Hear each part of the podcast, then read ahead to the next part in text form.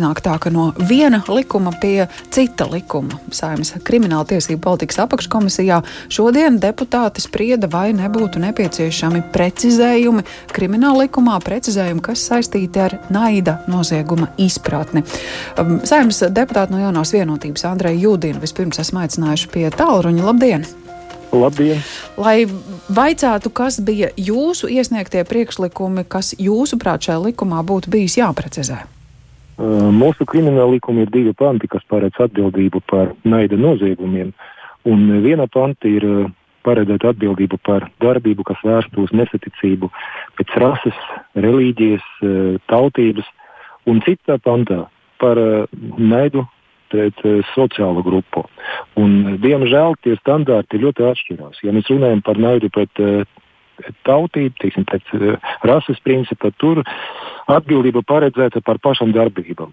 Savukārt, ja mēs runājam par sociālām grupām, tad ir jābūt būtiskam kaitējumam. Tad var saukt pie krimināla atbildības. Un mans piedāvājums bija vienādot, proti, abos gadījumos nesaistīt kriminālu atbildību ar sekām. Es to piedāvāju, tas ir viens priekšlikums. Otrais priekšlikums bija paredzēt arī vienotu pieeju attiecību uz atbildību pastiprinošiem apstākļiem. Jo gadījumi, ja kāds, nu, piemēram, sabojā svešu mantu, tāpēc, ka cilvēks pieder pie kādas tautības, tas pastiprina atbildību. Tāpēc, ka tas nav tā privāta kaut kāda iemesla mm -hmm. dēļ, bet uh, naida pret tautību. Bet, ja, piemēram, kāds kaut ko tam līdzīgu dara sakarā ar to, ka cilvēkam ir seksuāla orientācija, tad atbildība nav pastiprināta. Es piedāvāju to vienādot, un tad paredzēt, ka abos gadījumos atbildība tiks pastiprināta. Un bija arī Tieslietu ministrijas piedāvājums, tad ļoti vispārīgi arī noteikti, ka, ja ir darbība vērsta, ir veikta sakarā ar personas piedarību kaut kādai sociālajai grupai, tad arī šajos gadījumos ir jāpastiprina atbildība. Bet, nu, diemžēl deputāti uzskata, ka nekas nav jāgroza. Un es domāju, ka problēma saistīta ar to, ka cilvēki varbūt ne līdz galam saprot, kas ir naida noziegums. Mm. Un naids nozīmē, ka tur nav kaut kāda personiska iemesla, ja, bet tieši tāda fakta, ka cilvēks pieder kādai grupai, otrai pusē, otrai personai, tad rada tieši apņēmību kaut ko darīt ļaunu un tad nodarīt kaitējumu. Un tas ļoti bīstami, jo tā ir jau ideoloģija. Šeit nav tā kā kaut kāds sadzīviskais konflikts. Tur ir e, tieši tad, e, darbība, kas vērsta pret cilvēku grupu. Un šodien deputāti vairākums neatbalstīja, bet e, mēs noteikti turpināsim mūsu darbu un meklēsim risinājumu saistībā ar naida noziegumiem, jo tie ir nopietni. Tie, mm -hmm. Mēs nedrīkstam tolerēt tādām darbībām. Jo tas, eh, tas ir tas tiešām ļoti sāpīgi tiem cilvēkiem, pret kuriem tas ir vērsts. Mm -hmm. Jo dažreiz eh, noziegumi var kaut kādā veidā izskaidrot, kaut gan tas ir ļaunums. Bet, bet ja cilvēkam nodara pāri tikai tādēļ, ka viņš pēc tautības ir tāds vai cits, vai sakarā ar to, ka viņš tic vienam dievam vai otram, tad, eh, vai pieder kādai sociālai grupai, nu, tas ir ļoti, ļoti nopietni. Un, es domāju, ka tas ir valsts pienākums šajos gadījumos adekvāti rēģēt. Mhm. Paldies par jūsu pozīcijas skaidrojumu. Andrejs Jūdenis no jaunās vienotības un jaunās konservatīvās partijas pārstāvs saimnes deputāts Jūras Rancāns arī pie mūsu tālruņa. Labdien! Labdien! Jā, jūs gan šodien uzskatījāt, ka pat Tieslietu ministrijas, kas nu, ir jūsu partijas uh, vadīta ministra institūcija, ierosinājumi nebūtu atbalstāmi. Kādēļ? Tā tad uh, es varbūt vēlreiz precizēšu to savu pozīciju kolēģi, klausītāji un uh, visi, visi, kas šobrīd klausās, mēs daudz runājam par likumdošanas kvalitāti kā tādu. Un šī likumdošanas kvalitāte nozīmē, ka konkrētām normām būtu jāatbilst noteiktiem kvalitātes kritērijiem. Šajā gadījumā es pat runāju par tādu plašāku lietu kā krimināla soda politika. Un tā galvenā problēma, ko es redzu šajā gadījumā, ir skaidrs, protams, ka katra nevalstiskā organizācija nāk pie likumdevēja un mēģina lobēt savas intereses ar, ar dažādiem nu, šādām stāstiem par to, cik ir milzīga šī konkrētā problēma, cik viņa ir izplatīta sabiedrībā un kā likumdevējiem vajadzētu uz to reaģēt. Konkrētajā gadījumā tā galvenā problēma ir tāda, ka ir ļoti daudz pieņēmumu, ir ļoti daudz apmelojošu priekšstatu par baznīcu, par konservatīvo sabiedrības daļu. Ir apgalvojums, ka Latvijas sabiedrība esot homofobiska, bet šeit ir galvenā problēma, ka tam trūkst jebkādas faktoloģiskās bāzes.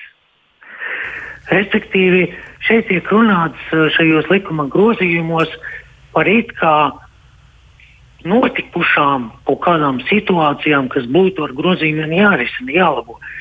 Bet nav tādu gadījumu, par ko runā šie konkrētie cilvēki un pat likuma projekta autori. Ja, ja mēs zinām, tad Tukuma gadījumā šī versija, kas sākotnēji tika izplatīta, izrādījās nepatiesa.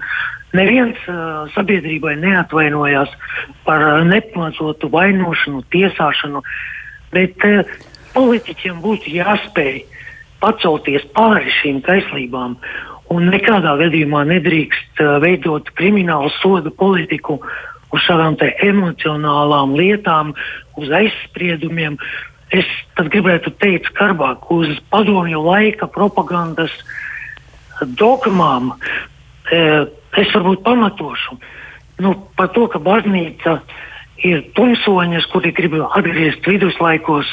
Ja jūs atceraties, tad Padomju Savienībā mācīja no bērnu dārza līdz pat augstskolai. Jā, bet Rancāna kungs te gluži, nu, jūs skatāties uz baznīcas faktoru tajā, bet uh, nu, ņemot vērā tikko pieminēto tukuma gadījumu, kur izmeklēšana jau nav beigusies, un izmeklēšana ir saistīta par cilvēku novešanu līdz pašnāvībai. Jā, izmeklēšana vēl nav beigusies. Protams, bet es gribēju, vēl... gribēju pavaicāt uh, vienu citu lietu. Jūs sakāt, sākusies, uh, kad visi Twitterā tiesneši un prokurori jau zināja, ka vainīga ir sabiedrība un konservatīva konservatīvie politiķi un baznīca.